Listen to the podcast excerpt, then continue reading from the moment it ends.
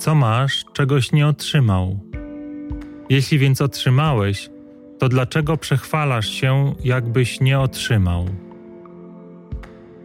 Pierwszy list świętego Pawła do Koryntian. Błogosławiony Ojcze, dzięki Twojej dobroci wszystko może być nasze. I świat, i życie, i śmierć, i teraźniejszość, i przyszłość. Ty w swoim miłosierdziu nie chcesz niczego zostawić dla siebie. Dlatego wysłałeś swego umiłowanego Syna, Jezusa Chrystusa. Jego doskonała ofiara otworzyła nam szeroko wrota do skarbca Twoich darów. W nim możemy doświadczać Twojej łaski.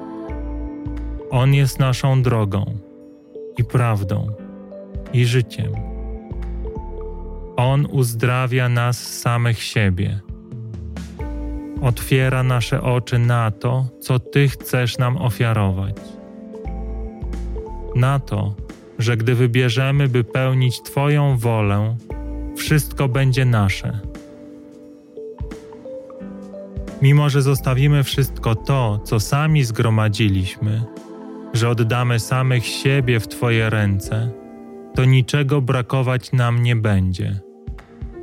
Bo wraz z Tobą, wraz z Twoją obecnością, stanie się dla nas jasne, czym jest dziedzictwo Twoich synów, a nie mogą się z nim równać żadne skarby tego świata.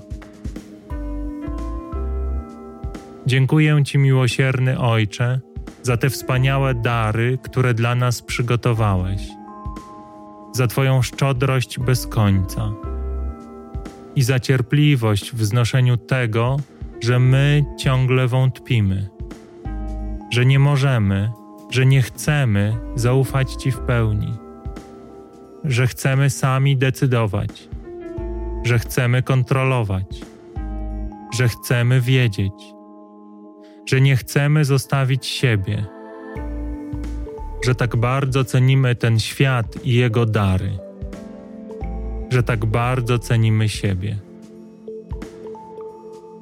Błogosławiony Ojcze, daj nam mądrość, by właściwie ocenić wartość tego, co dla nas przygotowałeś.